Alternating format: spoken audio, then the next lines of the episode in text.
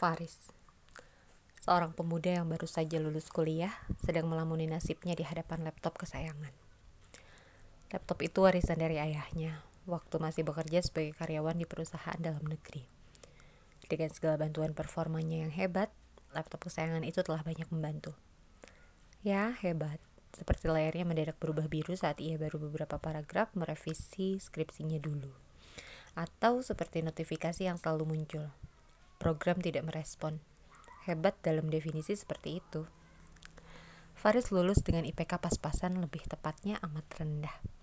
Kecuali pas-pasan itu adalah kriteria yang sering dipasang oleh perusahaan-perusahaan besar saat merekrut tenaga kerja.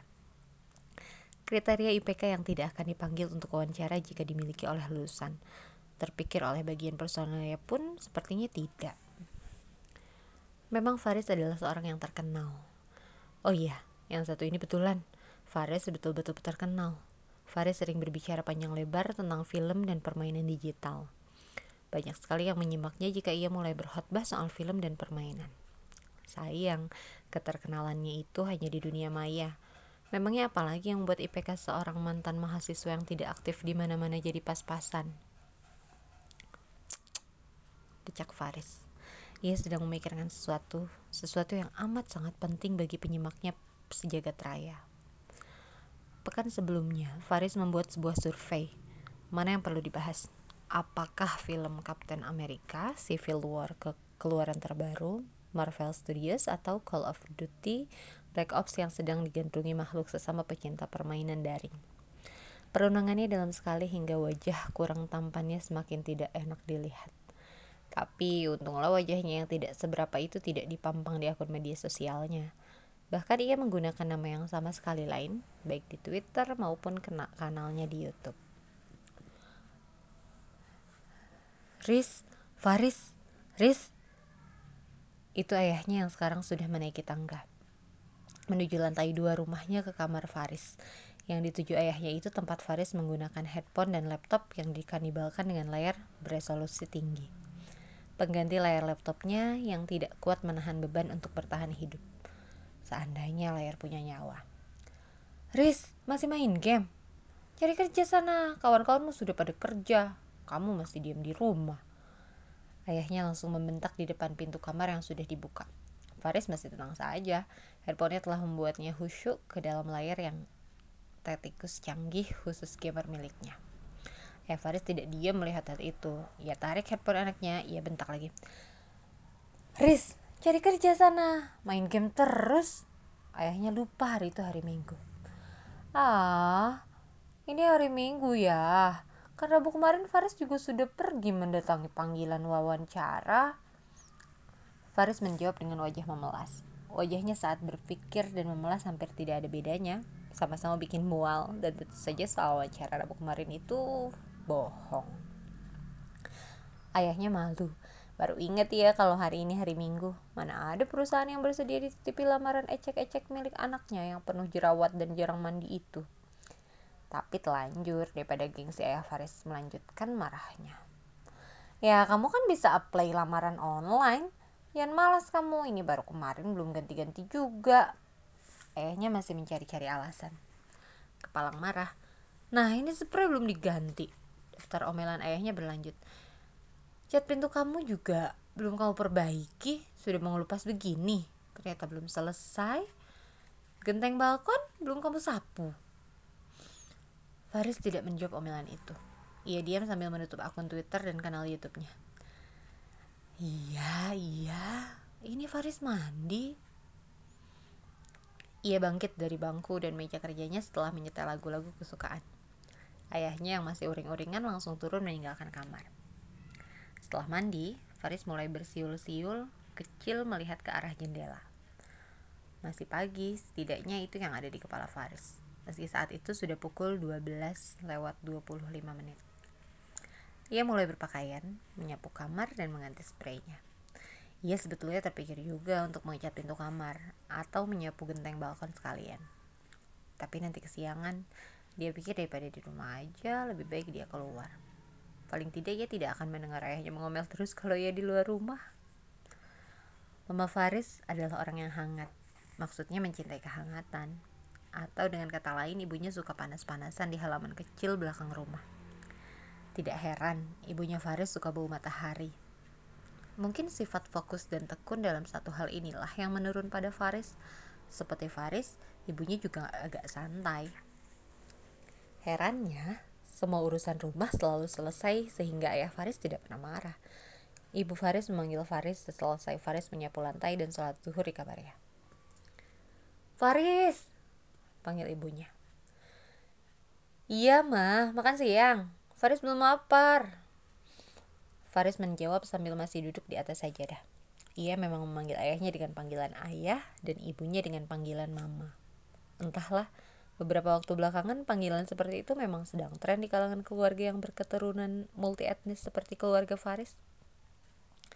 Bukan nak, itu tolong tonton TV-nya. Mama lagi masak ini. Sayang TV-nya kalau nggak ditonton. Hah? Apa mah? Itu, tolong tonton TV Faris. Sayang kan, lagi ada gosip baru. Nanti kasih tahu mama gosipnya siapa ya? Tentang apa? I iya mah. Faris segera turun mematikan televisi yang menyala sudah hampir satu jam itu. Ibu dan anaknya memang terkadang punya cara tersendiri dalam berkomunikasi. Setengah jam kemudian masakan mamanya siap. Faris dan ayahnya pun sudah siap. Ayahnya di meja makan sedangkan Faris di sofa ruang keluarga. Matanya tertuju ke ponsel pintarnya. Faris tidak berpikir untuk makan di meja makan, tapi di ruang keluarga sambil menonton televisi. Sedangkan mamanya memilih untuk makan di halaman belakang rumah sambil berjemur di dekat kandang iguana. Setelah makan, Faris pamit keluar rumah. Ia berpakaian cukup rapi walau hanya dengan kemeja dan jeans hitam. Tapi itu bisa dibilang rapi untuk ukuran Faris.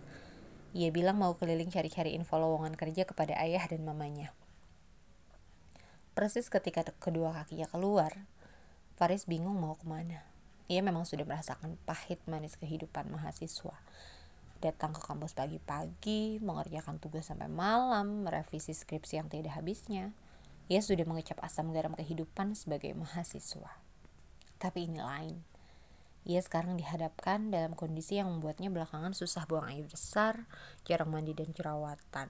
Kecuali jerawatan, sebab memang itu akibat dan juga jarang mandi. Tentu saja jarang mandi berakibat jerawatan. Setidaknya begitu kata guru biologi SMA-nya dulu. Angin bertiup menyongsong perjalanan siang Faris. Ia masih berpikir mau ke mana. Yang jelas sekarang ia berjalan kaki keluar kompleks perumahan. Ketika ia berada di depan jalan raya, ia merasakan ponselnya bergetar. Tapi tidak bergetar terlalu hebat, soalnya Faris paling takut dengan gempa bumi. Faris melihat ada mention di twitternya. Seorang perempuan berkerudung rumit warna-warni dengan wajah yang manis. Faris jadi tertarik. Mention itu berisi permintaan. Mas, aku udah lama follow. Fallback dong. Mau private message, mau tanya sesuatu. Hati Faris berdesir. Ia selama ini merasa bahwa ia adalah laki kuat iman. Ia tidak pernah tergoda dengan rayuan apa pun, tidak oleh Sylvie, teman sekelasnya selama SMA yang berbehal dan kucel, tidak juga oleh Zaida, tetangganya yang masih berumur 6 tahun. Tidak, dia pikir ia tidak tergoda. Langsung ia follow akun perempuan berkerudung itu, karena perempuan di Twitter itu tidak seperti Sylvie apalagi Zaida. Tidak pernah ia merasa seberuntung ini. Karena bingung, Faris akhirnya naik angkot yang menuju ke salah satu taman kota. Betul saja, tidak lama ponselnya bergetar lagi. Ada pesan di twitternya dari perempuan yang baru saja ia ikuti baik di twitter. Mas, ada waktu nggak mas hari ini? Faris segera menjawab dengan penuh semangat. Bisa, mau ketemu di mana? Saya mau ke taman kreasi nih, duduk-duduk. Ponsel pintarnya ia masukkan lagi ke saku jaket. Tak lama bergetar lagi. Wah, kebetulan mas, aku juga lagi di dekat situ. Ketemuan jam 2 ya. Bisa? Faris merasa ini sequel pencerahan baginya untuk hari minggunya kali ini. Segera ia balas. Ya. Taman kreasi siang itu cukup ramai. Tidak peduli panas menyengat. Akhir pekan tetaplah akhir pekan. Ada anak-anak yang berlari-lari main kejar-kejaran dengan ayah ibunya ada beberapa pasangan anak muda yang sedang bersenda gurau yang entah kenapa walaupun Faris idealis tidak mau pacaran, ia selalu merasa hampa setiap melihat pemandangan semacam itu. Ada juga beberapa orang berkumpul seperti komunitas sepeda tua di pojok sana. Faris terjebak dalam perasaan yang sedikit menggembirakan tapi juga menggalaukan. Tapi ia tidak perlu khawatir. Toh sebentar lagi ia akan bertemu pengikutnya di Twitter untuk membicarakan sesuatu, walaupun ia belum tahu apa itu. Kalau Faris tidak salah baca, nama perempuan di Twitter itu Fiona. Terlihat dari username-nya, Fiona semangat asik-asik agak terlalu panjang memang. Yang lebih menarik lagi, setelah dikuntit oleh Faris, ternyata Fiona ini sering memulai tweetnya dengan kata Jos, lalu tanda seru. Misalnya begini, at Fiona semangat asik-asik. Jos, hari ini ketemuan sama Mas Gamo. At Gamov itu akun twitternya Faris, singkatan dari Faris Game and Movie. Ya, Nora. Emang Faris sudah norak sejak rambutnya baru beberapa helai. Faris mulai melihat lagi ke arah ponsel pintarnya. 14.10. Semua orang Indonesia berhak terlambat, kan? Bahkan presiden dalam menangani bencana pun boleh terlambat. Kenapa Fiona tidak boleh? Kan Fiona juga orang Indonesia. Begitu suara hati Faris saat itu. Tiba-tiba ponselnya bergetar lagi. Mas, di mana? Aku pakai jilbab ungu. Jilbab ungu. Jilbab ungu. Gubam Faris sambil mengelilingkan pandangannya ke seputar taman. Ia melihat perempuan manis dengan padanan serasi berjilbab ungu di ujung dekat penjual rujak. Fiona ya? Faris menyapa setelah menghampirinya. Eh, Mas Faris? Fiona balas menyapa. Iya, Assalamualaikum. Waalaikumsalam. Hmm, gimana kalau kita ngobrol di kafe sana aja, Mas? Fiona menunjuk ke salah satu kafe di sekitaran taman. Tenang, Fiona yang traktir. Wajah tegang Faris kembali tenang setelah Fiona mengucapkan kata-kata sakti itu. Jadi begini, saya mau nawarin sesuatu ke Mas Faris. Fiona mulai bicara lagi setelah mereka berbahasa basi dan mulai makan makanan kecil yang dipesan. Faris juga sudah mulai minum coklat float yang menjadi minuman kesukaannya sejak kecil. Minuman dan makanan itu dipesan oleh Fiona semua. Entah bagaimana, pikir Faris. Fiona tahu semua tentangnya. Hmm, apa ya? Dalam menit ini Faris mulai berdoa dalam hati, moga bukan LML, moga bukan MLM ya Allah, jangan. Mas Faris belum kerja kan? Fiona langsung menembak ke pawang pembicaraan. Masih cari-cari sih. Ada juga beberapa yang sudah memanggil buat tes wawancara. Cuma sampai sekarang belum ada yang betul-betul serius manggil untuk menerima. Emangnya kenapa? Faris menjawab panjang, walaupun wajahnya lebih sering tidak enak dilihat. Ia masih gengsi kalau terlihat seperti tidak berusaha. Saya lihat followers Mas di Twitter dan media sosialnya kan lumayan banyak ya teman dan followers mas semuanya di atas 500 ribu Fiona melanjutkan eh iya terus mau mau bantu kami nggak kami punya pekerjaan buat mas M maksudnya gimana ya? Saya belum paham. Intinya sih pekerjaannya berkaitan dengan eksistensi mas Faris di dunia maya. Mas pikir-pikir dulu aja. Besok kabari kalau mas tertarik. Fiona tersenyum bangkit lalu pamit kepada Faris. Perilaku Fiona itu mengundang tanda tanya besar di benak Faris. Ini makanan semua sudah dibayar belum? Ya? Pukul 10 lewat 2 menit pagi, Faris sudah menimbang-nimbang di depan laptop. Ia bingung mana yang harus ia kerjakan dulu. Mengulas prediksi film Civil War atau mengirimi Fiona private message. Akhirnya memilih yang kedua. Mungkin kalau nanti aku sudah punya uang sendiri dari gajiku, aku tidak perlu tinggal di rumah ini lagi, pikirnya. Artinya, Faris ingin menunjukkan bahwa ia juga masih bisa mendapatkan pekerjaan dengan gaji yang layak dengan IPK pas-pasan seperti itu. Ia mulai membuka private message ke at Fiona semangat asik-asik. Sempat ia pikir, apakah setelah salam, salam ia perlu menggunakan kata Jos seperti kebiasaan Fiona di tweet atau tidak usah. Daripada so deket, pikirnya lebih baik usah, biasa aja. At Fiona semangat asik-asik. Assalamualaikum mbak, saya mau jawab tawaran kemarin Iya mas, gimana? Saya siap bergabung, tapi boleh tahu seperti apa kerjanya? Oh, gini mas, mas ikut saya ke kantor besok Tapi itu berarti mas sudah siap kerja Loh, kok gitu? Iya, sudah prosedur kantor begitu Lagian kerjanya gak berat kok Oh ya? Iya, ada uang makan juga setiap hari sebesar 100 ribu rupiah Cash Jam kerja Mas bisa pilih yang jelas setiap hari 8 jam kerja, seminggu 5 hari aktif. Oh iya, kok enak banget. Bahkan kalau Mas masuk Sabtu Minggu ada gaji tambahan. Sebenarnya ini kerja apa sih, Mbak? Nah, Mas pikir-pikir dulu lagi aja. Kalau fix, langsung datang ke kantor. Alamatnya nanti saya kirim. Akhirnya Faris menyerah. Ia tidak lagi bertanya menilik lebih lanjut. Pagi ini saja ia sudah kena semprot ayahnya. Kata ayahnya, kenapa bukan cari pekerjaan malah main ke taman kemarin. Jadilah Faris mulai disuruh-suruh lagi oleh ayahnya. Mulai dari membersihkan sisa lilin di lantai waktu listrik mati, mengelap ban mobil, menyisiri bulu iguana peliharaan keluarga, meskipun ayahnya sudah diberitahu bahwa iguana tidak punya rambut. Bahkan mengepel genteng. Tidak berjeda 10 menit ia mengirim pesan lagi ke Ed semangat asik-asik. Oke nih mbak saya gabung. Mbak di subuh Faris sudah mandi, sudah pakai kemeja terbaik. Celana Faris mentalon hitam bermerek Firman, merek penjahit langganan keluarga, sepatunya kulit hitam. Sepatu itu adalah sepatu yang dibeli ayahnya waktu menjelang sidang skripsi. Faris sudah tahu alamat kantornya ia hanya diminta berbekal flash disk atau hard disk eksternal. Ayah dan mamanya sudah diberitahu kalau hari itu hari pertamanya bekerja.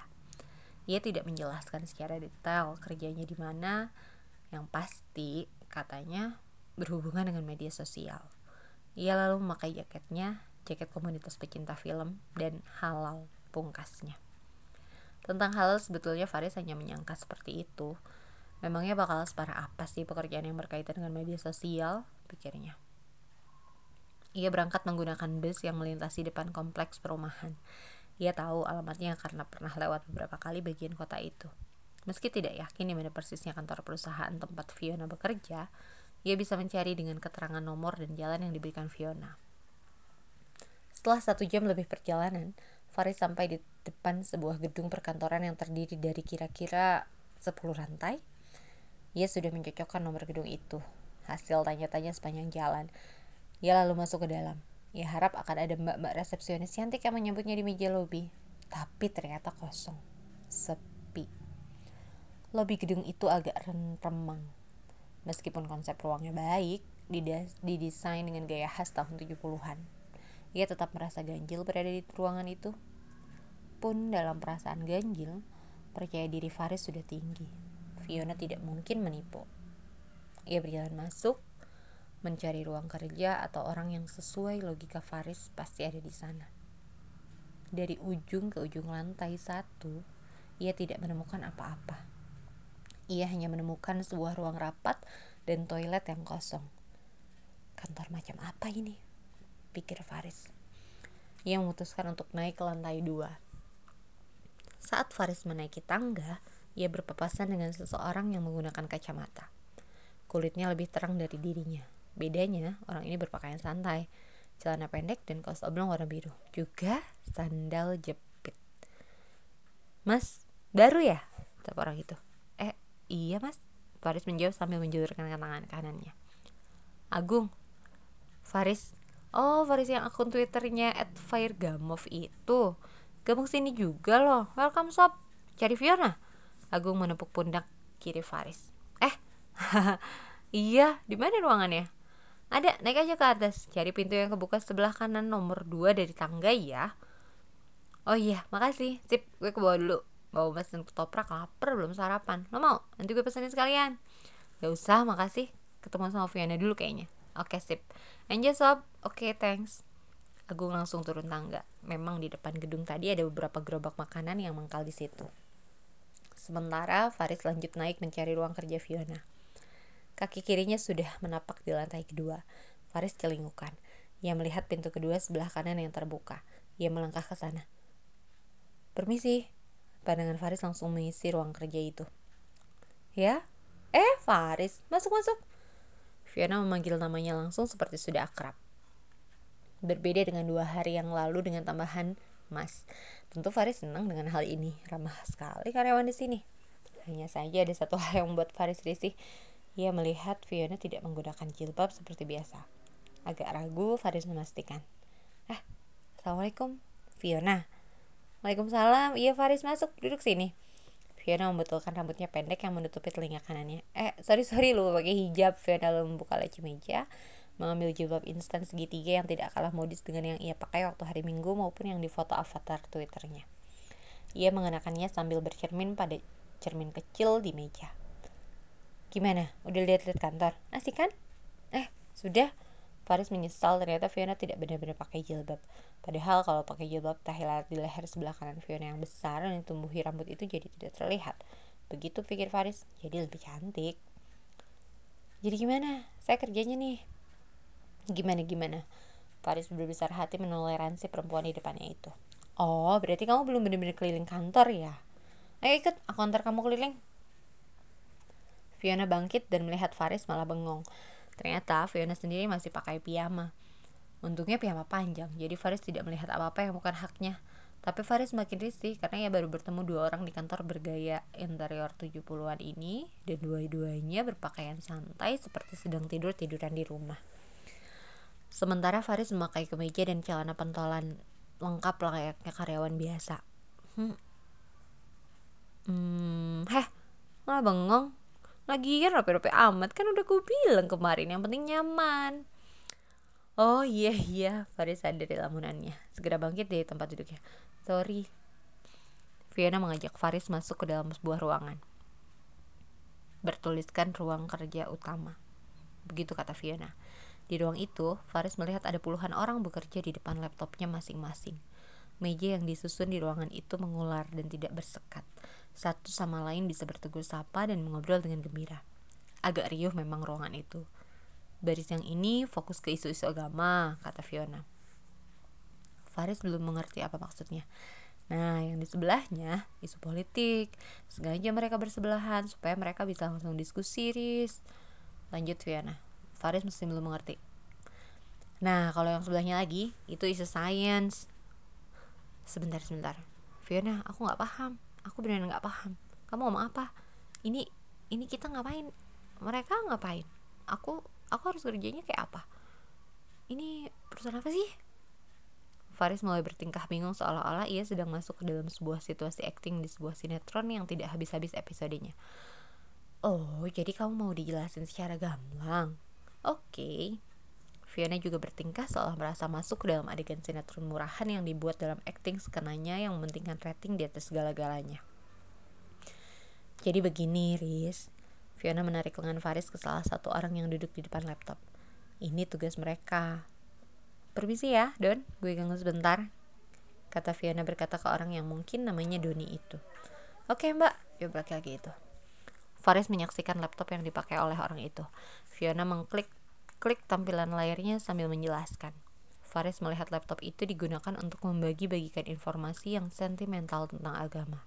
Laptop itu digunakan untuk belasan akun media sosial yang berbeda-beda. Misalnya, ada tiga akun yang digunakan untuk Twitter, lima akun untuk Facebook, dua akun Line, dan empat akun YouTube. Masing-masing menyebarkan berita sentimen yang sama.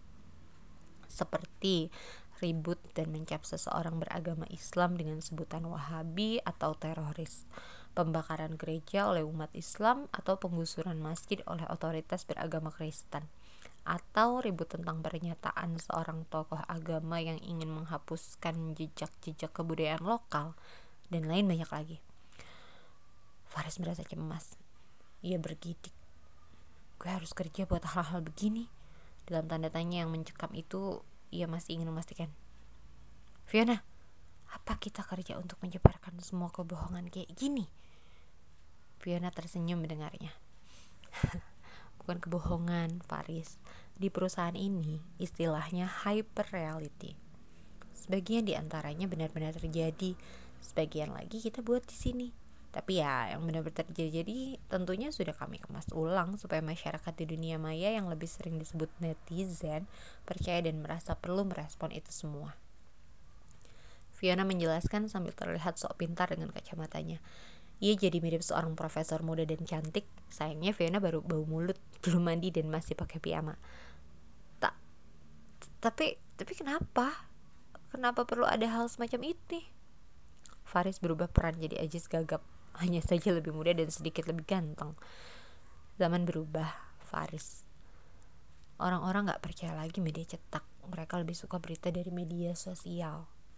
Lalu, media cetak yang dulu digunakan untuk berita sekaligus propaganda harus digantikan. Terutama perannya sebagai alat propaganda. Fiona tersenyum. Manis memang, tapi di giginya ada sedikit potongan cabai terselip. Jadi ada big boss di balik bisnis perusahaan ini. Faris bertanya sangat hati-hati. Ia memelankan suaranya. Fiona tertawa. Semakin tersebarlah bau mulutnya, sementara Faris sedikit menahan nafasnya. Kami gak kerja untuk orang tertentu. Kami kerja untuk mereka yang ngerti pentingnya bisnis ini. Jelas Fiona yang sekarang pandangan matanya menjadi sinis. Kami yakin kami satu-satunya di jagat maya ini. Gak ada yang mampu ngalahin kami. Oh, Faris makin bergidik. Ia mulai salah tingkah, mengelap keringatnya di jidat dengan kerah kirinya. Ia celingukkan melihat ruangan besar itu. Eh, mm, um, Fion, enggak, lo nggak bisa keluar dari sini. Lo udah sepakat sama kita. Hari ini kerja, dapat gaji, dan tutup mulut tentang keberadaan bisnis ini. Fiona memotong perkataan Faris yang belum selesai itu. Sekarang mending gue ke ruangan produksi, tempat berita-berita ini dibuat, supaya lu lebih ngerti apa yang nanti dikerjain. Faris semakin bingung harus berbuat apa. Ia ingin lari dari tempat itu, tapi lengan Fiona ternyata cukup kuat menyengkramnya keluar menuju ruangan lainnya. Ia lihat di depan pintu ruangan, sudah ada tiga orang berbadan kekar siap menggiring ia dan Fiona. Para algojo itu muncul karena diperintah oleh Doni lewat WA, yang ternyata adalah pimpinan Fiona. Masuknya Faris ke ruangan tadi menentukan tindakan apa yang akan dilakukan kepada Faris selanjutnya. Faris yang cemas ditarik lengannya oleh cengkraman keras tangan Fiona, di belakang mereka ada tiga algojo yang siap menghadapnya. Kalau-kalau ia ingin kabur di tempat itu. Fiona memang mengatakan bahwa ia akan dibawa ke ruang produksi tempat berita-berita itu dibuat. Tapi sebenarnya bukan. Siapa yang tahu? Faris sekarang sedang diseret ke dalam ruang rekrutmen spesial. Ruang yang di dalamnya terdapat seorang dokter dan beberapa alat medis canggih serta perlengkapan pasung. Faris tidak tahu itu. Ia hanya memikirkan apa ia masih bisa bermain game dan menonton film setelah bekerja di sini? Selintas ia juga berpikir, apakah ia masih bisa berkumpul dengan ayah dan mamanya setelah hari ini berakhir? Faris tidak tahu itu. Mungkin dia tidak akan ingat. Mereka akan mencuci otaknya yang tidak terlalu cerdas itu. Sebuah cerita pendek berjudul Faris the Netizen karya Rio Pale dalam bukunya Cinta Lahir di Taman Bunga.